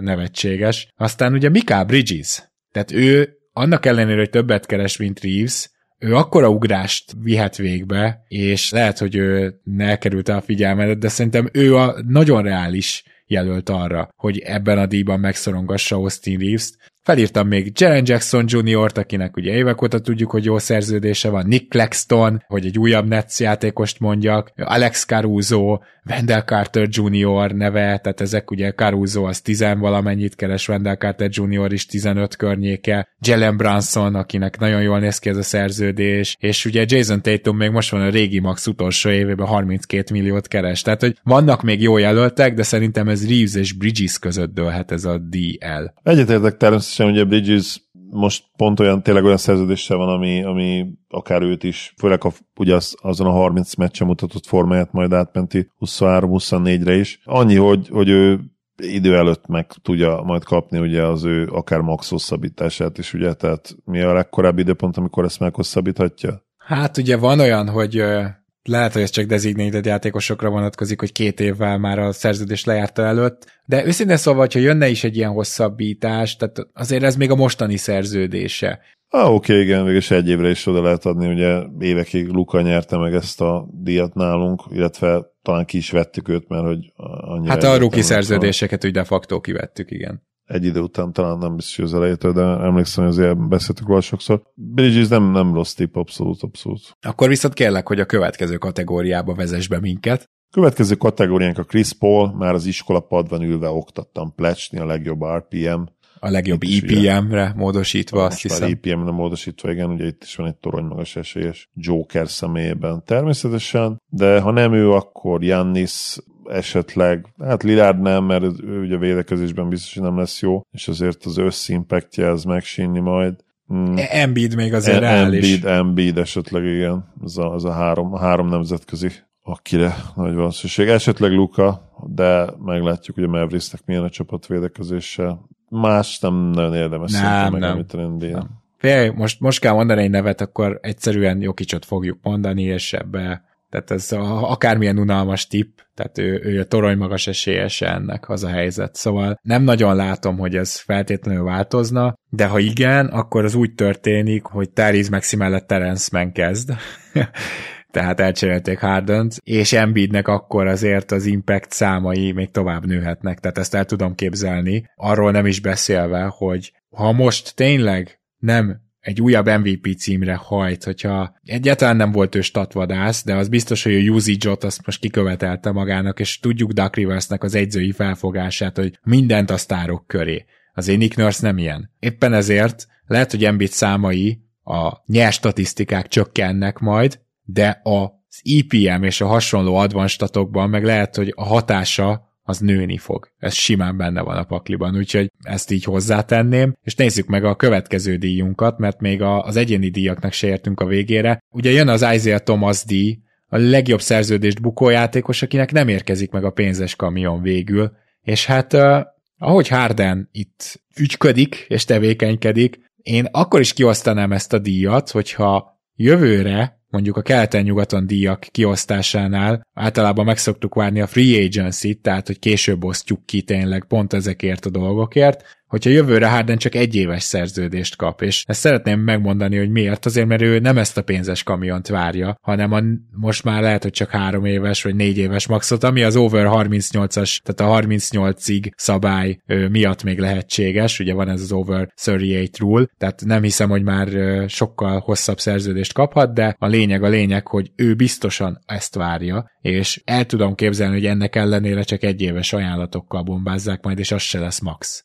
olyannyira Harden volt itt az egyértelmű választás, hogy szerintem az is lehet, hogy nem egy számmal kell majd lejjebb adni azt a pénzszállító autót, hanem akár kettővel. De még a, őszintén még, a, még több is benne van. Tehát, hogy amikor egy egyértelmű vált, és most itt nem menjünk bele abba, hogy ki mit ígért kinek, mert állítólag ugye erről volt, hogy Harden és Harden miatt rágott be, hogy beígértek neki a maxot Mori. Amikor egyértelmű volt, hogy azt a maxot ugye nem kapja meg a 10 plusz évest, oké, okay, akkor ugye lejjebb ugrottunk egy szintet, de szerintem nem fogja megkapni a normál maxot se. Tehát ki lenne az idióta, ki megadja neki. De tegyük fel, hogyha még meg is adják neki, akkor is az jön, amit mondasz, tehát a per év hiába lenne meg, akkor se lesz akkora pénzszállító autóra szükség, mert azt nem fogja megkapni három éves, ez teljesen egyértelmű. A legjobb esetőség szerintem az ő szempontjában most az, hogy akkor körülbelül három szintet ugrottunk lefelé, mert ugye a designated max helyett szóba került a Normal Max. A Normal Maxnál akkor oké, okay, legalább legyen három év, azt se fogja megkapni, és a legjobb esetőség az, hogy egy évre megkapja, vagy, vagy max kettő évre, és Team Option a második, vagy hozzákötjük bizonyos feltételekhez, All-Star, mit tudom én, mentünk legalább a konferencia döntőig, a szerződésében foglalt pénznek egy, egy részét, és akkor ugye az már azt jelenteni, hogy, hogy három méretet ugrottunk lefelé a pénzszerít autónál, úgyhogy szerintem ez egy annyira egyértelmű Harden díj lesz most a következő pár évre, ahhoz képest, amit ők gondoltak, meg amit lehet, hogy mondtak is neki még egy 5-6-7-8 hónapja, hogy ezt szépen le is ütetjük ezt a díjat, és ő szépen elvitte, én azt gondolom. Hát igen, meglepődnék, hogyha más mondanák majd körülbelül három-négy év múlva, amikor kiosztjuk ezeket a díjakat. Nézzük meg azt, hogy ki lehet a jelölt a Derrick Rose Phoenix díjra, avagy lemondtunk már rég róla, de feltámadta semmiből. Nekem van itt egy titkos jelöltem, amit itt még nem akarok bemondani, de alapvetően a gondolatmenet az úgy indult a részemről, hogy van egy pár klub, aki, hogy is mondjam, fekete öves a halottak feltámasztásában és a koporsóból való kikeltésben, tehát a zombiképző kluboknak a legjobbika azt gondolom, az a Miami Heat, és két jelöltem is van onnan, és mégsem ők nyernek, vagy hát mégsem őket jósolom nyertesnek, de Kevin Love és Josh Richardson. Na most Josh Richardson ő még csak 30 éves, tehát hogy nála minden adott ahhoz, hogy felé leszék hamvaiból, és igazán nem fekszik ő még a koporsóban, meg éjfélkor nem kell ki ilyen hosszú fogakkal, mert Josh Richardson egyszerűen csak nem volt jó helyen, tehát a Spursben hol kapott lehetőséget, hol nem, de leginkább azért, mert a Spurs a tankolt, kettő fiatalokat fejlesztett. Na most az, hogy ő neki esetleg most lenne egy jó idénye, arra minden lehetősége meg lesz, ugyanis a Miami Heat 1-es, 2-es poszton jelenleg ölni tudna valaki olyanért, aki higgadtan tud kvázi irányítani, még akkor is, hogyha ő is inkább csak egy secondary ball handler, és aki támadást tud kezdeményezni, és Josh Richardson volt ilyen játékos, és a Heatben volt ilyen játékos, úgyhogy szerintem egy marha jó jelölt, Kevin Love pedig, hát ugye most végigment a kiképző táboron, és szerintem, hát nem, nem tudom, hogy volt-e már ilyen formában életében, persze már lassabb, de totál lefogyott, mindenki áradozik arról, hogy hát a szokásos Miami kiképzés az neki elég jót tett, úgyhogy ő sem egy rossz jelölt, bár, bár én Josh richardson előrébb tartom. A titkos jelöltemet nem mondanám még be, Zoli, te kikben gondolkoztál itt? Csak azért, mert annyira, de annyira, de annyira szüksége van szüksége lenne rá a Bucksnak, hogy, hogy újra, azt akartam, hogy újra játékos legyen belőle, de inkább újra ember legyen belőle, majd, hogy nem. Malik Beasley az egyik ilyen jelöltem. Hogyha ő tényleg semmi más nem csinál, csak azt, hogy a borzasztó védekezését azt legalább egy ilyen határszarra elnézést a kifejezésért feljavítja, akkor ő annyira beleillene a Bucksnak a rendszerébe és abba a szükségbe, ami, ami ugye nekik van, és ez nyilvánvalóan persze védekezés is lesz, és ugye tudjuk, hogy a Bucksnak az elmúlt két évben a védekezés az visszaesett, de az igazság, hogy, hogy a floor spacing, a pálya széthúzási terén is nagyon-nagyon-nagyon nagy szükségük lenne egy olyan játékosra, aki Beasley lehet, és ezért nekem ő jutott, nem első leszem egyébként, de másodjára, mert ugye Josh Richardson annyira adta magát a múltkori podcast adásunknál, ahol, ahol átbeszéltük azt külön kitérve rá, hogy, hogy ő konkrétan a legjobban tényleg Spolstra kez alatt nézett ki eddig NBA pályafutása során, és hát hol máshol nyerné vissza fiatal kora legszebb pillanatait, vagy hol tudná felidézni fiatalkor a legszebb pillanatait, mint, mint a Heatnél. Úgyhogy én őket mondtam, két keleti contenderből. Titkon bízom abban, de nyilván ez csak tényleg ilyen, ilyen remény, és nem hiszek benne igazán, hogy Kyrie Irving lehozhat egy nagyon-nagyon-nagyon jó szezon, de ugye nála ez is mit jelentene? Tehát nem fogjuk összetolni magunkat egy 28 vagy 29 ponttól 60%-os TSL támadásban. Mindenki tudja, hogy Kári gyakorlatilag, amikor egészséges, egy megállíthatatlan támadó játékos, de én, én bízom abban, nem igaz, nem bízom, de reménykedem abban, hogy, eh, hogy ebből tényleg egy olyan all-around szezon is lehet, amit nem gondoltunk volna, és hogy újra ő. Mert egyébként Kári, és ezt nagyon sokszor beszéltek, hogy a Kári nem lenne rossz védő, tehát jó képességei vannak a védekezéshez, és play főleg play de play láttuk azért már őt időnként jól védekezni, és hát ahhoz, hogy a Mavericks úgy igazán sikeres legyen, az tényleg az kellene, hogy a kettő darab sztárja közül mind a kettő elkezdjen nagyobb elánnal és nagyobb energiával védekezni. Zolikám, akkor nézzük is meg a következő kategóriát. Á, nem, mert a titkos jelöltemet be kell, hogy mondja. Na, szóval olyat mondok, hogy nem hiszem, hogy eszedbe jutott, de Robert Covington. És szerintem én most őt jelölöm. Abszolút nem jutott eszembe Covington. Covington kéne szednem, igen. Viszont uh, engem nagyon meggyőzött az, amit a Nate Duncan Clippers felvezetőjébe hallottam, hogy Robert Covingtonnak hogy esett össze a tavalyi éve, gyakorlatilag egy kisebb sérülés ebbe belejátszott, utána meg nem nagyon tudott már beépülni, nem kapta meg a bizalmat. De az hogy... elég meggyőző volt, ahogy összeesett, meggyőzően összeesett. Ez kétségtelen. Ami most változott az az, hogy konkrétan annyira jól néz ki az egyzőtáborban, és erről azért több ilyen híradás is lejött, hogy erősen elgondolkoztak még a kezdőbe tevésén is. Szóval, hogy nagyon úgy néz ki, hogy Robert Covington még fizikailag nem ért véget, mint játékos, és ha ez igaz, akkor az ő hihetetlen kosáríkújával, ugye olyan fantasztikus besegítővédő, ami az elmúlt tíz évben alig volt egyáltalán a ligában, tehát azért ezt ne felejtsük el, hogy ő ebbe a kategóriába valószínűleg a minden idők all-time top listájába is ilyen top 20 legalább, tehát hogy ő, ő nagyon-nagyon magasan van. Hát ez egyrészt kéne a Clippersnek, másrészt pedig, hogyha ő fizikailag újra jó állapotba tud kerülni, akkor egy ilyen okos játékosnál én elhiszem azt, hogy van még benne egy feltámadás. És akkor most adom át neked a szót, Zoli, kérlek a következő díjra, de akár reagálhatsz is erre is. Mindenképpen egy olyan tipp, ami a figyelmünket azt szépen kivívta Gábor, és itt most néző hallgatóink nevében is beszéltek. Ha bejön, akkor előre le a kalappal, én abszolút nem tudom már, már elképzelni azt, hogy Covington. Nyilván azt el tudom képzelni, játszon, mert a skillsetje, annak ellenére, hogy ma már messze nem olyan védő, mint volt egykoron, az végülis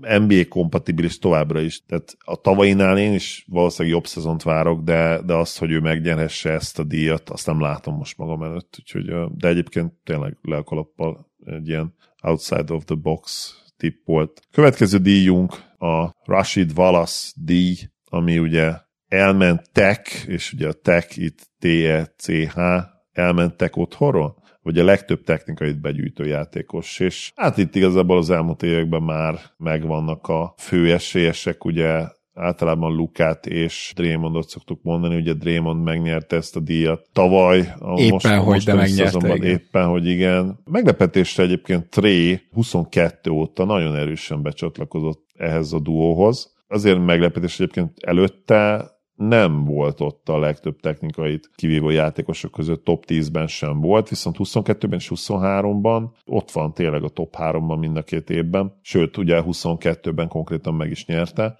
Úgyhogy azt mondom, hogy ez a, ez a Big Free, ami egyébként tök izgalmas lenne támadásban, meg úgy összességében is. Ugye Trey, Luka és Damon Green, ők, ők a főesélyesek, de meg kell említeni azért Anthony Edwardsot is, aki feltörekvő fiatal, és tavaly a, a legfiatalabb volt a top 10-ben. Ha ő ugye még éhesebb lesz, még nagyobb szerepben, még többet vár el a bíróktól, akkor akár meglepetést is okozhat. És, és még nagyobb crybaby lehet, igen. Igen.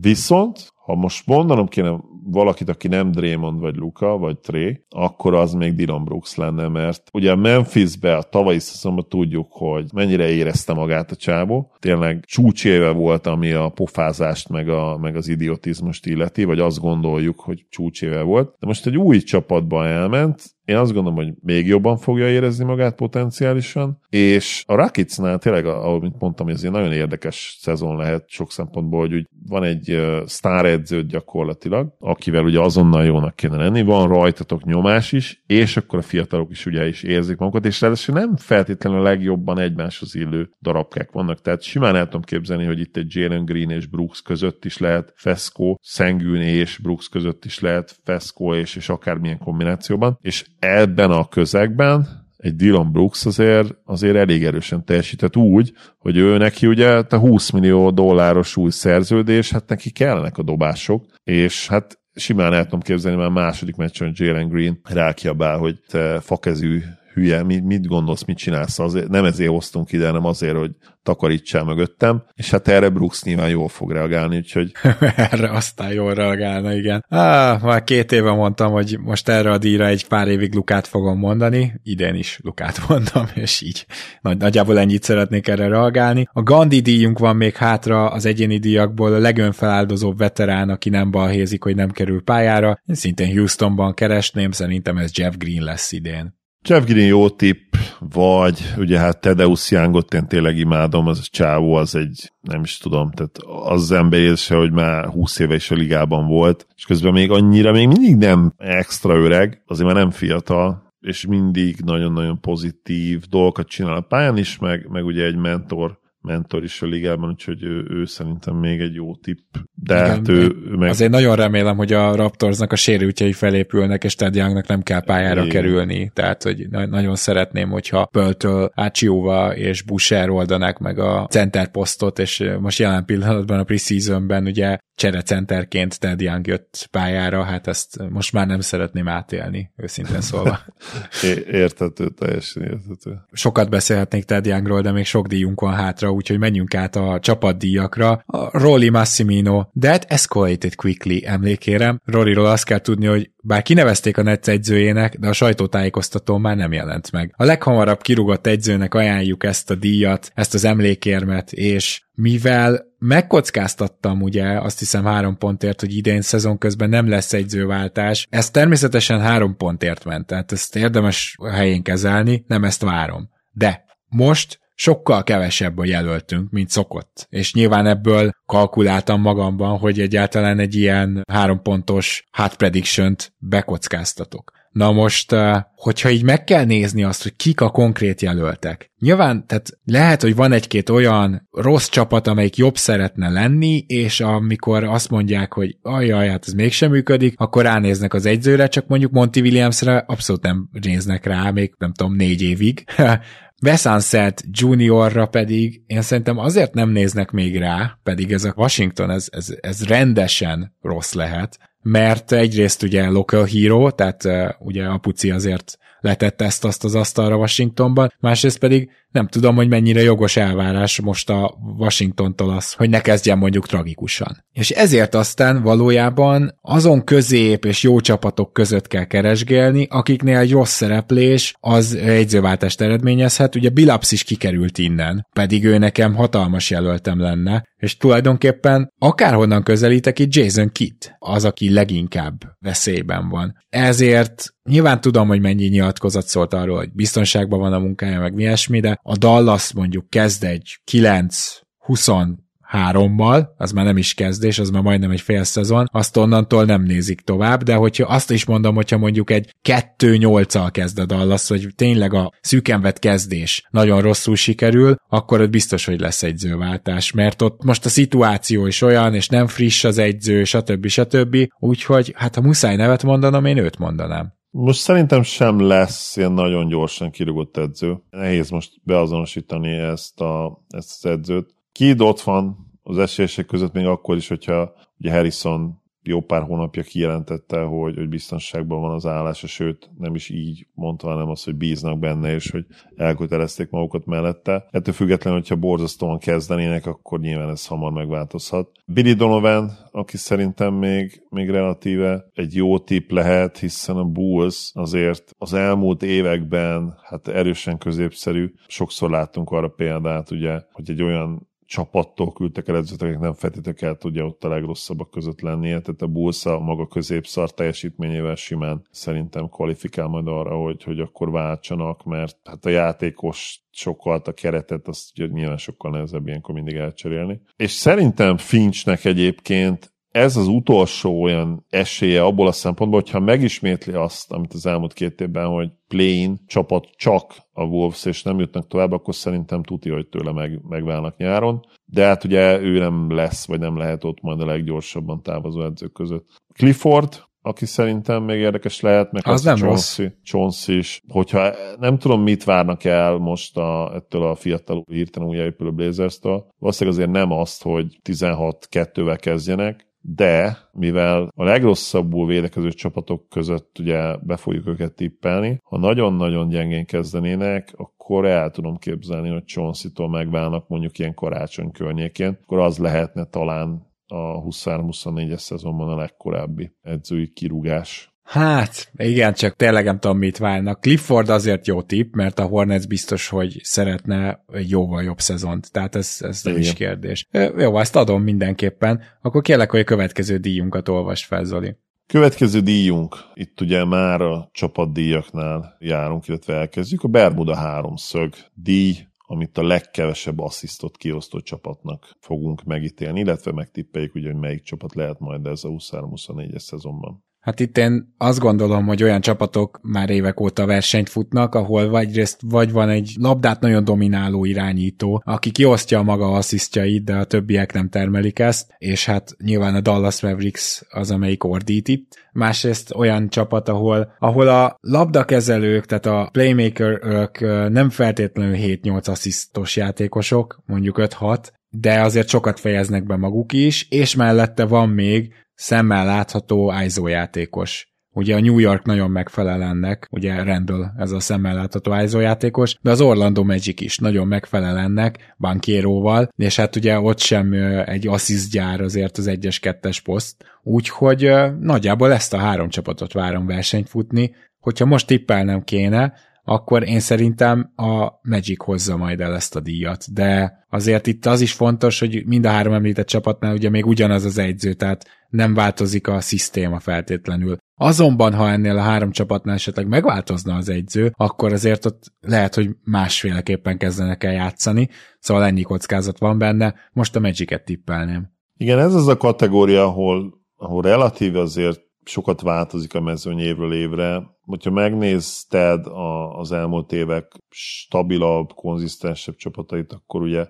a Nix azért ott volt, jellemzően ugye a legkevesebb asszisztot kiosztó csapatok között. Amióta Tibodó az edző, ők azóta gyakorlatilag top 3-asok, és 20-21-ben ugye konkrétan második legkevesebb asszisztot osztották ki, most a 22-23-as szezonban pedig megint csak ott voltak a top 3-ban. A Mavericks, amióta ugye ennyire kinőtte magát Doncsics, mint főlabdakezelő, és természetesen ugye tavaly még ugye Kyrie is rátett erre egy lapáttal, tehát gyakorlatilag ők ketten pumpálták a labdát felváltva. Azóta, hogy a Mavericks is ott van, és ott is lesz nyilvánvalóan, hogy őket is adom, és a Magic is egyébként igen egy olyan olyan keret és olyan csapat, ahol, ahol igazán nem számítunk arra, hogy feltétlenül 25-26-27 assziszt környékén legyenek, inkább náluk is ilyen 22-24-es range az, ami, ami reális lehet. És a Rockets-et kivenném, ugye tavaly ők nyerték meg ezt a versenyfutást, de nagy valószínűséggel azért most tényleg annyi célpontjuk van, hogy egyszerűen járnia kell a labdának, különben Udoka tényleg le fogja reszelni azt a bizonyos, hogy fűrészel inkább, fűrésszel. Hát a reszelés az, az nagyon durva büntetés lenne szép lassan. Az biztos. Úgyhogy inkább vágni fogja, és azért a Rakic szerintem nem lesz top 5-ben. A Heat viszont ott lehet, ugye náluk is egy olyan csapatról beszélünk, ahol nincs igazán sok playmaker, és elég sok ISO van támadásban, ugye Butler és Adebayo ebben az elmúlt két évben elég sokat fejlődött, és meg is kapták a usage százalékot a nyakukba. De egy szó, mint az igen, tehát én is azt gondolom, hogy a Mavericks, a Knicks és esetleg a Clippers ott lehet, a Clippers is, is jellemzően azért egy top 6 helyét legkevesebb asszisztot kiosztó csapat, és Bones ezen nem hiszem, hogy fog változtatni. Nyilván, hogyha Harden oda megy, akkor, bár akkor meg, ha Harden oda menne, ugye akkor lehet, hogy még inkább esélyesek erre a címre, és akkor azt mondanánk, hogy akkor ők nyerik meg, mert ugye Harden kioszt 9-10 asszisztot, de, de hát akkor ugye spot up mindenki másnak. Akkor az én nyertesemet a Magic-et nem tartott top 3 esélyesnek sem? Megemlítettem ugye őket is. Nem mondanám, hogy nem top 3 esélyesek, szerintem bárki a felsoroltakból ott lehet. Ugye ez jellemzően az tényleg az a statisztikai adat, ahol nagyon-nagyon közel vannak egymáshoz a csapatok, tehát konkrétan a, a legkevesebb asszisztot kiosztó csapat általában ilyen 22 környékén van, és a középmezőnye a ligának az meg ilyen 24, tehát ilyen egy-két assziszt, két asszisztos különbségek vannak, és akkor már átszeltük a liga felét, úgyhogy be, persze ott lehet, a, ott lehet a Magic, mert igen, illik rájuk amúgy a, ez a kategória, ugye Bankéro személyében. Nem nagyon rossz playmaker, de, de inkább ugye ISO scorer játékos, és, ő, és igazából Wagner is, és ilyesmi, ha belegondolsz. Igen, igen, bel is gondoltam azért őket jelölöm, de neked igen. még mondanod kell egy csapatot azért, tehát hogy valakit meg kell tippelned. Hát akkor legyen a Nix, mert ők voltak a legstabilabbak ebből a szempontból az elmúlt három évben, úgyhogy őket mondom. Oh yeah, akkor viszont megyünk tovább. Jön a Blazers. Féloldalas vagy, mint egy kamionsofőr barnulása. A támadás és a védekezés közötti legnagyobb különbség helyezésben ha jó kis jelölteink vannak igazából, és már szóba is került a kedvenc csapatod a Dallas Mavericks jó párszor ebben a mai adásban. Hát azért ők itt sajnos üvöltő jelöltek, tehát abszolút nem lepődnénk meg se a 24. védekezésen mondjuk, se a második támadáson, ami kell általában ez a díjhoz, nagyjából ilyen távolságok vannak. De van még egy olyan csapat, szerintem, amelyik tipikusan jól fog támadni, egyébként valahol meglepetésszerűen is, mert szerintem az Indiana Pacersnél ránézel a talentre, nem érted, hogy miért támadnak ennyire jól, és akkor kezded el értékelni, hogy Tyrese Halliburton mennyire jó játékos lett, és emellé egy rossz védekezés jöhet, de ők meg védekezésbe fejlődhetnek szerintem annyit, Dallas nagyobb jelöltnek tartom, és én, én fordítva is megnéztem, hogy kik lehetnek, akik nagyon jól védekeznek, de nagyon rosszul támadnak, és szerintem két csapat itt is szóba jön. Elsősorban a Chicago Bulls és a Miami Heat. Sokan mondják azt, hogy a Miami még úgy is, hogy elmentek játékosok, jobb lesz, meg minden, hát hogy ők támadásban, alapszakaszban hogy lehetnek jobbak, hát nem lesz könnyű, maradjunk ennyiben. Miközben a, a Chicago Bulls meg évek óta a gárdjai védekezését kihasználva egy Nick vucevic is ilyen top 10-es védekezéseket produkál, és én nem látom, hogy ez speciál miért érne véget ez a sorozat, mert idén is lesz Caruso, de idén már Javon Carter is lesz, és furcsa az persze, hogy Levinnel, meg DeRozannal, meg vucevic lehet ilyen jól védekezni, csak hogy ezek az emberek olyan szinten tudják megállítani a betöréseket, és megállítani a külső passzokat, hogy ez tényleg ennyit számít, és a másik pedig, hogy Vucevic nem annyira rossz védő, és kiváló védőpattanózó, tehát ezek azért mind számítanak. De Rozan pedig például sokkal jobb védő négyes poszton, meg hármas négyes poszton, mint ahogy régen kettes poszton kellett ugye játszania. Tehát ezeket minden felejtsük el, amikor csodálkozunk a Bulls jó védekezésén, de nyilván ők azért nem lesznek top 5-ös védő csapat, tehát ahhoz ilyen nagyon rossz támadás kellene.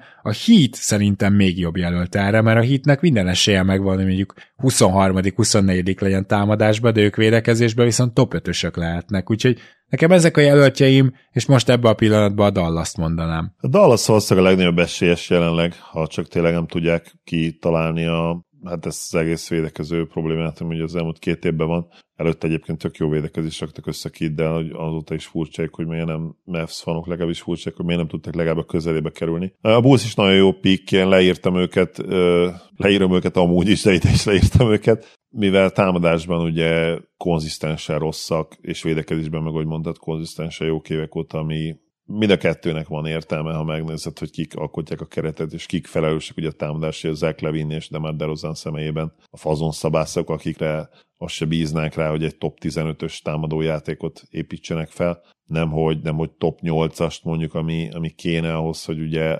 garantáltan, hát hogy garantált playoff csapat legyen, meg másrészt, hogy eszünkbe se juss egy ilyen listánál. Viszont szerintem a Portland megint, megint jó tipp lehet, mert uh, én annyira borzasztó védekezést várok tőlük, amivel, ami ugye Oké, okay, oké, okay, legyenek 30-ak, vagy, vagy ahogy szoktuk mondani, 32-ek, de, de hogy, azért ők hogy kerülnének top 10-be támadásba? Egyrészt nem biztos, hogy top 10-be kell kerülni, ugye a legnagyobb különbséget keressük, ami nem biztos, hogy ilyen 25 hely lesz idén, de én, én látom azt, hogy, hogy ilyen 12 13 legjobb támadójátékuk legyen, engem abszolút nem sokkolna ez. Oké, okay, engem az is sokkolna, de az még jobban, hogy a 17 hely, 18 helynyi különbség elég lenne itt a győzelemhez.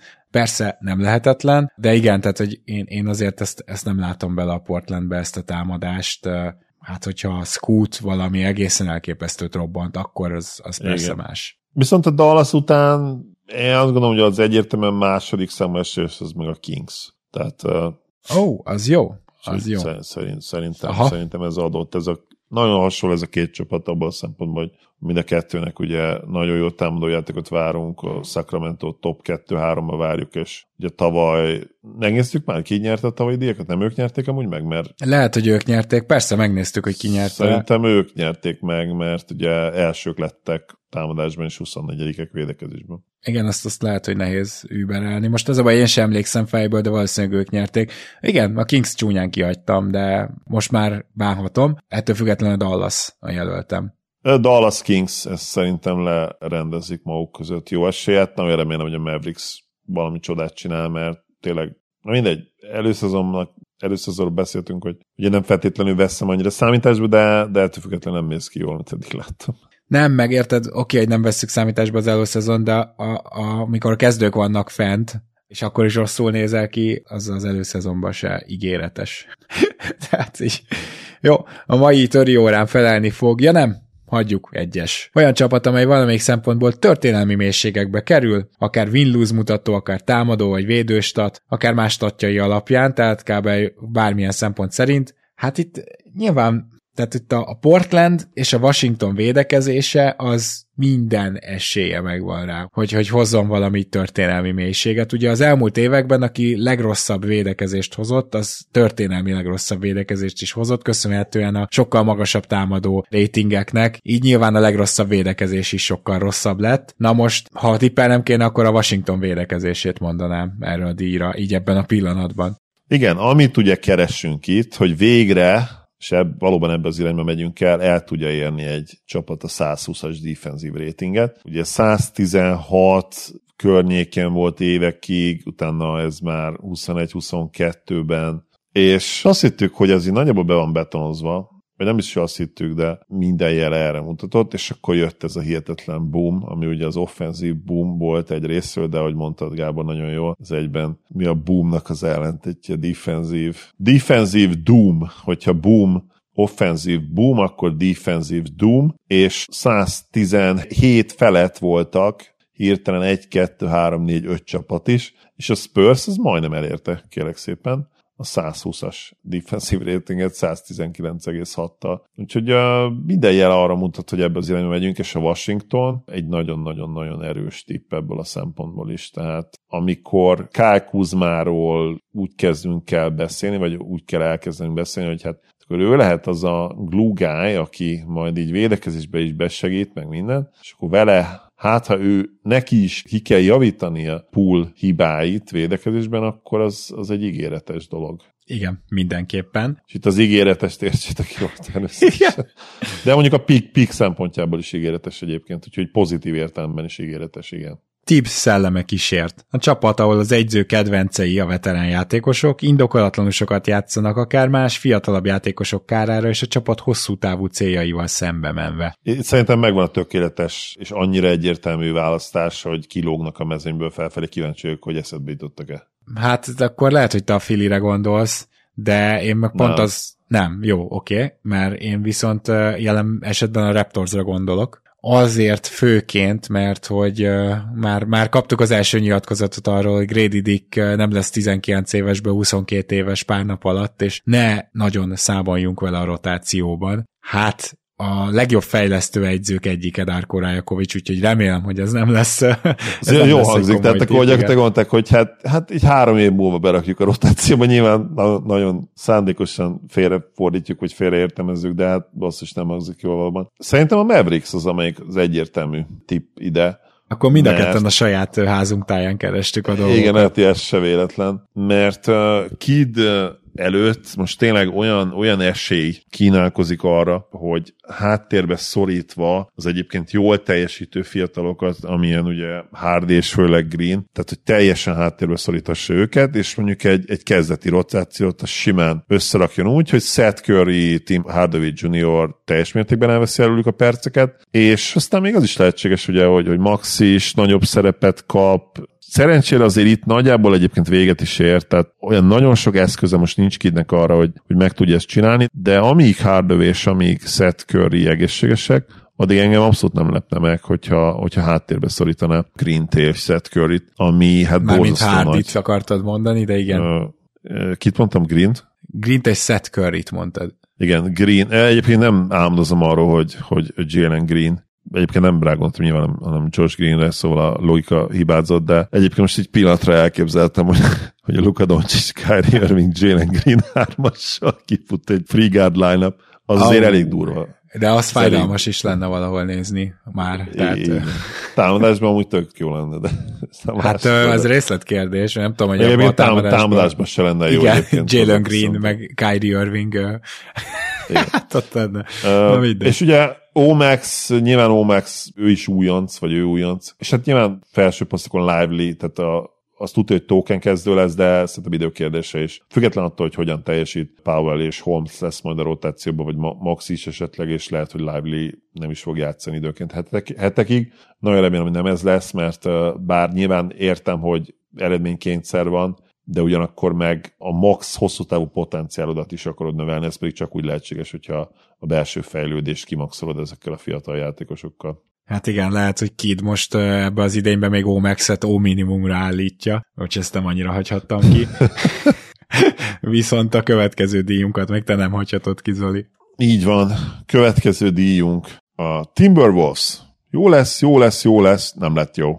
Plakett. A legnagyobb pofárás is az elvárásokhoz képest. És ilyenkor minden évben, vagy az eddig években így viccesen még oda is írtad az egyik, kimásoltam ugye a korábbi válaszokat, és ott viccesen odaírtad, hogy lehet, hogy idén is a Timberwolves nyeri, és amúgy lehet, hogy tavaly is ők nyerték. Idén, a, amire szerintem számítanunk kell, hogy, hogy van két csapat, amelyiknek őszintén döntő vagy bust történet és ez a Bucks és a Suns. Szerintem ők azért indulnak előnyből ezen a versenyen, mert náluk egyszerűen, ha akár egy, egy konferencia döntőben kiesnek, mondjuk 2-4-jel, az is szerintem egy hatalmas bust szezon. Tehát itt minimum-minimum döntős szereplés kellene tőlük. Igen, de azért tudod, a konferencia döntőnél még egy egészen normális PR nyilatkozatot ki lehetne adni arról, hogy ez a csapat ez most megmutatta, hogy, hogy ott van a tűz közelében, tehát hogy talán azért mondjuk egy elsőkörös kiesés az, ami, ami szerintem automatikusan győztessé tenné őket. Én két másik csapatot hoztam, mert hogy egyrésztről a New Orleans Pelicansba szerintem van némi katasztrófa potenciál idén, főleg úgy, hogy Trey Murphy nélkül kezdik a szezont, és Alvarado nélkül kezdik a szezont. Hát ez a Kyra Lewis Jr. jön a padról dolog, ez, erről azért nem vagyok túlzottan meggyőződve. Értem, hogy egy olyan játékosról beszélünk, aki a sérülésen már túl van, és az eredeti gyorsaságát visszanyerte, ami tényleg egy fénysebesség, de hogy így más NBA skillt eddig nem sikerült kifejleszteni. Illetve hát én ugye már sortoltam, hogy úgy mondjam, a korábbi podcastekben is a Clippers csapatát. Tehát én nem azt gondolom, hogy a Clippers végig egészséges marad, akkor ne lenne akár még Dark Horse bajnok esélyes is, hanem azt, hogy a Clippers ezen a ponton kicsit már nem reális azt várni, hogy ők egészségesek maradnak, és hogy jók is lesznek, és szerintem náluk mondjuk, hogyha nem jutnak be a playoffba, tehát egy play-inbe kizúgnak megint, az egy marha nagy pofára esés lesz, akkora, ami hát a franchise megrengető következményekkel járhat, például, hogy azt mondják, hogy akkor nem ajánlanánk szerződést ezek után Kawainak és Paul George-nak, ráadásul ez az egész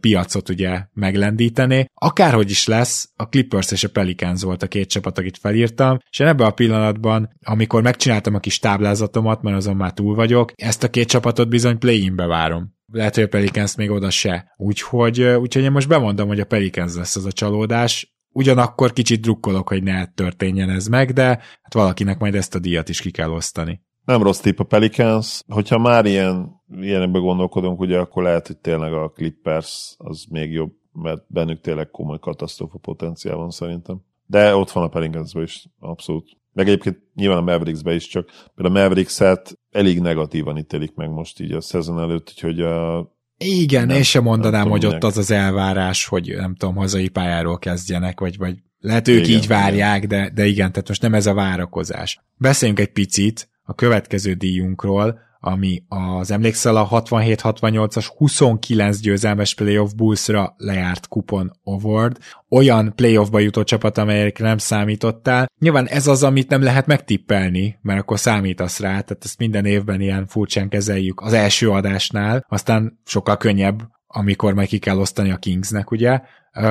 akik meglepetést okozhatnak, és tényleg meglepetést, azt keleten kell keresnünk, mert nyugaton nem hiszem, hogy hát a San Antonio Spurs és a Portland Trailblazers és talán a Utah Jazz hármasán kívül van olyan csapat, aki tényleg vaskos meglepetés lenne a playoffba jutna, talán a Houston még ide vehetjük, és nyilván nekik van is erre némi esélyük. Keleten azért úgymond sokkal nagyobb meglepetéseket tudnának okozni csapatok, és hát felírtam a Raptors-t is, mert most jelen pillanatban ilyen 35 és félre várják őket a fogadóirodák, tehát az az over-under, ami nagyon alacsony egyébként, hogyha tényleg fullba fogják nyomni ezt a szezont, mint ahogy most ebben a pillanatban megy a terv. Viszont az Orlando Magic. Az Orlando Magic azért is okozhat reálisan meglepetést, mert ugye mióta tavaly nagyon-nagyon rosszul kezdtek, és a szezon második felét, mikor felépültek az irányítóik, és már Fulc is, meg Cole is rendelkezésre állt, azt így lehozták 50%-ra szépen csöndben, azt hiszem majdnem 50-re, és ez a csapat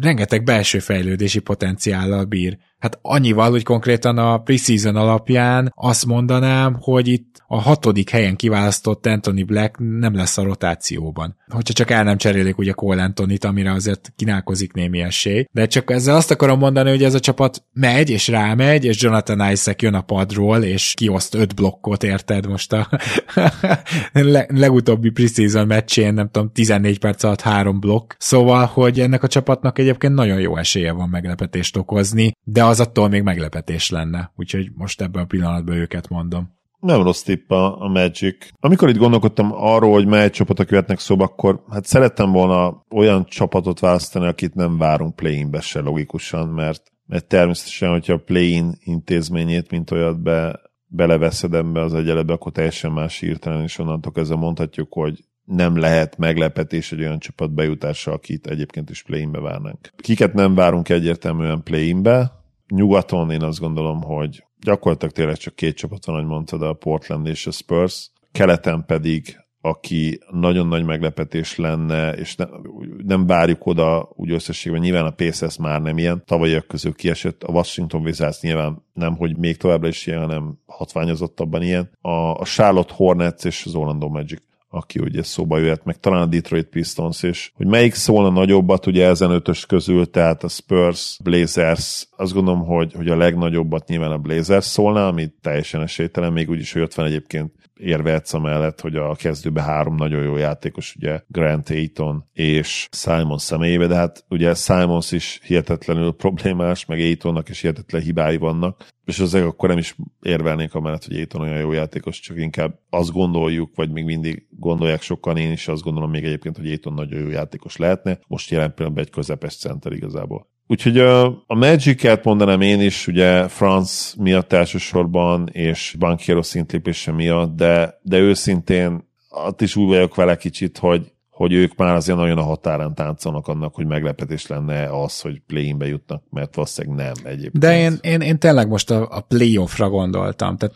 zárjuk ezt úgy le, hogy ez playoff. Hát akkor, a, akkor hat, hatodik legalább. Nem, nem, nem, a play-in után bent vannak. Hát jó, de ezt mondom, hogy, hogy érted. Igen, akkor... igen, igen, értelek, azért ott van gyakran kettő győzelem kell, tehát azért... Igen, de, de hozzáteszem, igen, tehát még mindig, még mindig azért mondhatjuk igen, hogy, hogy a Magicnél nem lenne hatalmas meglepetés, de oké, okay, meglepetés lenne, úgyhogy őket mondom én is egyébként, ahogy mondtam, Franz és elsősorban Bankiero miatt, Bankiero ugye nagy ugrást várunk, Franztól is én továbbra is ugrást várok, annak ellenére, hogy a tavalyi sophomore szezonjában is remek volt, tehát Franz Wagnert én, én all várom idén Bankierovel együtt, és a két all jelöltje lenne, lehet, hogy aztán csak Bankiero jutna be, de ha két legit all jelölt van keleten, akkor az azt jelenti, hogy, hogy a Magic jó eséllyel bejutott. Bledsoe seglenyomatát tartalmazó tornapadról beszélgessünk, a legpofátlanabbul tankoló csapat, ugye ezt a Phoenixnek a most már klasszikussá vált tankolását idézi meg ez a díjunk, ahol hát Bledsoe-t konkrétan annak ellenére, hogy szeretett volna játszani, így azt mondták egy hónapra kiültetünk haver, tehát semmilyen sérülése nem volt. Ugye erre szabálymódosítás érkezett, ez olyan szintű pofátlanság volt, tehát hogy ezt ma már nem teheti meg egy csapat. De aki itt nagyon pofátlanul tankolhat, Hát ez most nehéz volt nekem ez a díj, mert azt értjük, hogy ki az, aki GM szinten tankol az elejétől, leginkább ugye a Portland, a Portland is tele van fiatal tehetségekkel, a Spurs is, a Wizards a klasszikus tankoló csapatunk idén, akik még várnak azokra a fiatalokra is, akik köré elkezdenek egyáltalán építeni, és jelen pillanatban Igen. olyan veteránokkal veszik körbe magukat, akik hát inkább ilyen tankommandernek jók. Na most,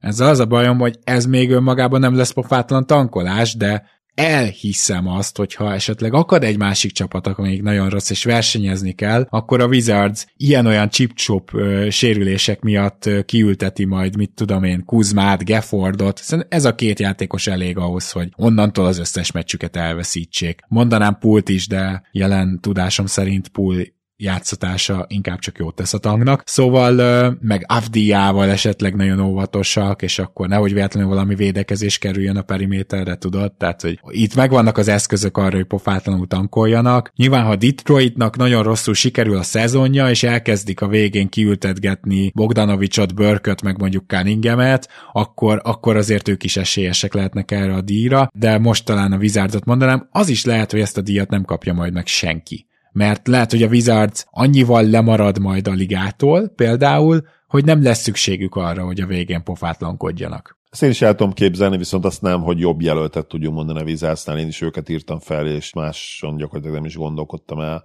Mert minden csapat most már tényleg, aki tavaly is még pofátlanul tankolt, elmondhatja, hogy oké, okay, köszönjük szépen, megvan az a fiatal mag, amit mi szerettünk volna. Még a Blazers is elmondhatja ezt egyébként simán. Ugye van kettő darab egészen hihetetlen prospektjük. Úgyhogy, ja, Wizards, Wizards vagy, vagy senki, ez a legvalószínűbb esetőség a szezonra. Következő díjunk, most a vége fele járunk, de Zoli, akkor itt a lehetőség, hogy azt is elolvassuk. Következő díjunk a Hinki díj, ami ugye így szól, hogy megpróbáltuk, most próbáljuk meg kevésbé megpróbálni, hogy kevesebb megpróbáltatásunk legyen, kitüntetés. Csapat, amelyiket idény közben kapnak szét, és nagyon kíváncsi vagyok, Gábor, hogy te eltaláltad-e az én tippemet, ami nem feltétlenül szerintem egy egyértelmű tipp, de, de róluk el tudom képzelni, hogy megtörténjen velük. Hát itt ugye nagy kérdés az, hogy mit csinálsz a Washington wizards amelyiknek a két cseréje közül az egyik még az előző szezonban ment végbe, a másik pedig már az újban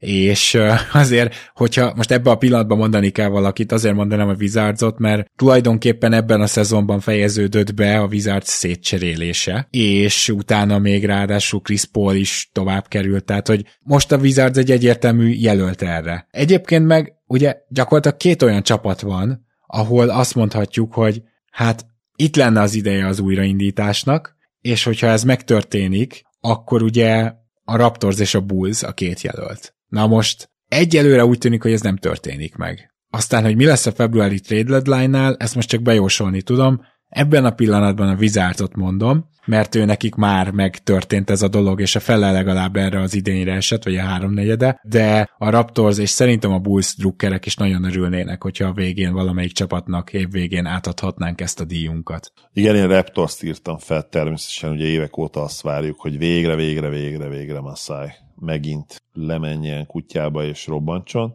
És hát egyébként, idé... most csak annyi, hogy az évek óta az túlzás, kb.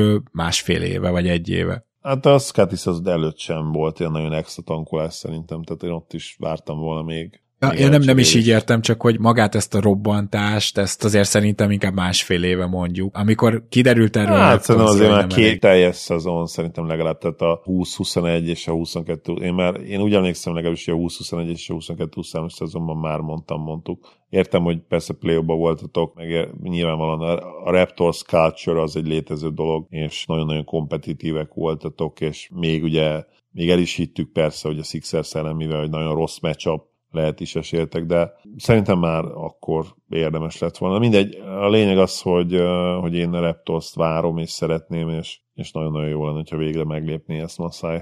És a végre az akkor most jelentett bármit, másfél évet, vagy kettőt, vagy tök mindegy. Keleten-nyugaton mondtam, hogy a kosárlabda evolúciója nem áll meg D vagy award. A csapat, amelyik olyan játék áll elő, amire senki nem számított. Hát ugye itt azért van nehéz dolgom, mert ha most megint bemondom az OKC-t, tavaly bemondtam, és nem ők nyerték, hanem a Kings. Szóval, de, de az OKC tavaly is közel volt ehhez. Hát itt általában olyan csapatokat kéne mondanunk, aki valamivel meglepi a ligát, és ezt leginkább új egyzőkön keresztül szokták megtenni. Szóval ilyen szempontból a két egyzőjelölt az nyilván Udoka lehet a Houstonnal, és Rajakovic a Raptorzzal. De hogy ez a két csapat most hogy tudná meglepni a ligát, és ezért lehet, hogy bemondom inkább az OKC-t, amelyik ugye az elmúlt két évben azzal lepte meg a ligát, hogy small ballban tudtak védekezni, ami az elmúlt két évben senkinek nem ment, tehát konkrétan mindenki ezt próbálta, és senkinek nem működött. Tehát kicsit úgy arról is beszélünk, hogy a small ball időszak kezd véget érni, és kezd visszafordulni. Sőt, hát ezt nagyjából kijelenthetjük. A small ball időszaknak az eszenciája az volt, hogy Draymond Green centerben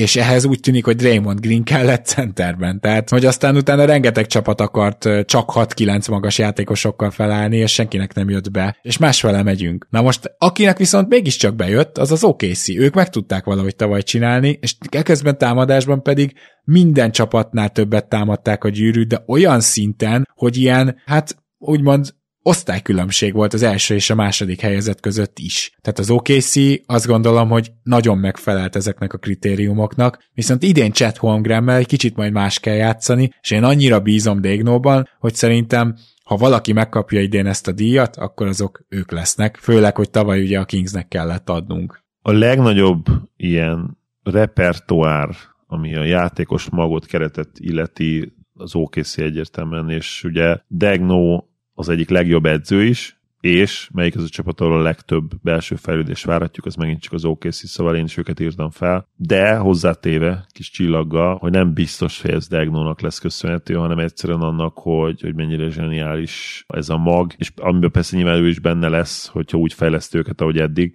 de, de hogy az ilyen elkerülhetetlen dolog, hogy egy már alapban rohadtul tehetséges magba beleillesztesz egy, egy top 3-as pick Chet Holmgren, aki ráadásul nagyon-nagyon magas NBA padlóval rendelkezik, mint gyűrűvédő és floor spacer big, szóval akinek van egy kis playmakingje is ráadásul, úgyhogy igen, az OKC, de összességében nem biztos, hogy az egyébként csak is kizárólag Dagno érdeme lesz. Igen, ugye még esetleg, esetleg a Milwaukee Bucks. Hát említésre kerülhet ott a új egyző sosem látott páros, ugye, tehát hogy ott azért abban van fantázia, meg főleg, hogyha tényleg lehet úgy védekezni, hogy van két jó gyűrűvédőd, és a periméteren egy darab jó védőd nincs, ez, ez is egy nagy kihívás lesz. de azt nem tudom, hogy ez mennyire lesz evolúciós változás. Tehát értem persze, hogy, hogy Griffintől nagy fegyvertény az is ezt megoldja, mert nyilván nem egyszerű, amellett, hogy egyszerű és nem egyszerű, ugye két sztárral és, és hatalmas elvárásokkal. Lillard azért egy elég könnyen rendszerbe illeszthető figura, aki szinte egymagában ugye felhúzhatja majd a, Bucksnak az offenzív ratingjét. Hát meg ő maga a rendszer egy kicsit, igen. Meg ő maga tehát, a rendszer, hogy... igen. Szóval nem tudom, hogy mennyire lesz az ilyen evolúciós találmány, valószínűleg nem.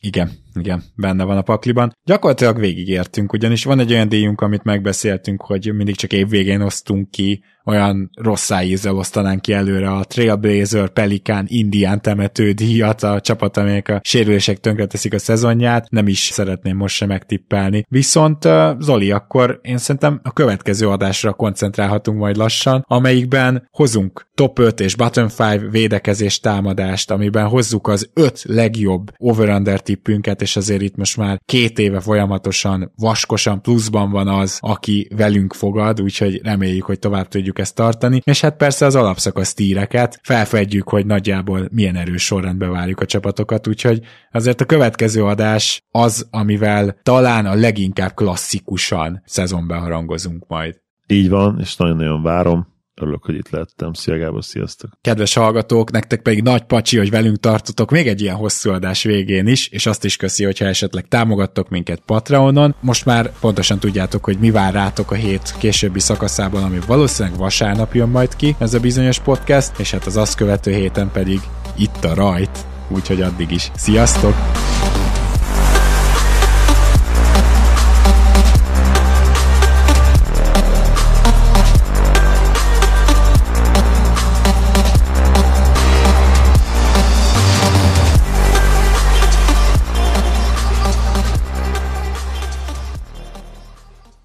Ha más podcastekre is kíváncsi vagy, hallgassd meg a Béton műsor ajánlóját. El tudod képzelni, hogy a podcastet, amit éppen most hallgattál, fél év múlva már a mesterséges intelligencia generálja? Mi sem. De ha érdekel, eljött már a gépek lázadása. Hallgass bele az Embertelen podcastbe. Orsós Lajos vagyok, a műsor házigazdája. Egyelőre még élőben. Egyelőre. Fedezzük fel együtt, hogyan ismerkedik, randizik, mesél és vitatkozik Betty és Péter, két teljesen mesterséges intelligencia. Lajos, a podcast címét mond még egyszer, Léci. Oké. Okay. Embertelen podcast. Ez a műsor a Béton közösség tagja.